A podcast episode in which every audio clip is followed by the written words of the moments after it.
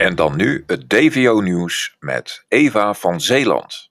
Een rechter in de provincie Quebec heeft drie weken geleden geoordeeld dat de gescheiden ongevaccineerde vader het recht heeft verloren zijn 12-jarig kind te ontmoeten. Dit zou in het belang van het kind zijn. Het is de eerste keer dat een ouder contact met een kind wordt ontzegd vanwege bovengenoemde reden. Het kind zelf is wel gevaccineerd, maar volgens de rechter biedt dat geen volledige bescherming tegen de Omicron-variant. Volgens de rechter is de vader ook nog eens een complotdenker, wat zou blijken uit de dingen die hij schrijft op zijn Facebookpagina.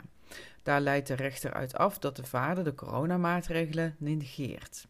Voor de rechter speelde verder mee dat de moeder samen met haar huidige partner nog twee jonge kinderen heeft die niet zijn ingeënt, omdat kinderen onder de vijf jaar niet worden gevaccineerd. Volgens de NOS heeft Quebec van alle Canadese provincies de meeste coronadoden en het aantal besmettingen loopt de laatste weken snel op. De premier van Quebec, François Legal, kondigde deze week ook al een speciale belasting aan voor ongevaccineerden.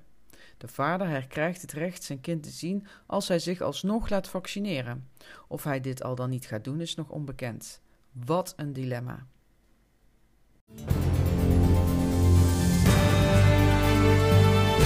Dit was onafhankelijk ongecensureerd nieuws van de vrije omroep.nl.